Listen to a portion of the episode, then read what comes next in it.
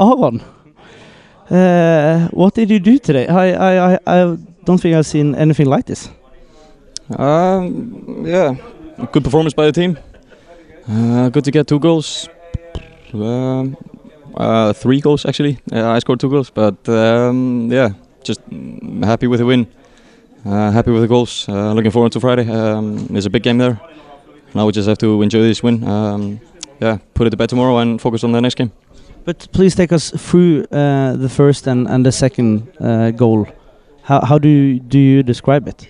Um, the first goal was from a corner. Um, got the rebound. A lot of a lot of players in the box. Um, saw the keeper was uh, going on the on the far post, so I just um, yeah saw the saw the near corner. Uh, decided to have a go, and uh, yeah, luckily I went in.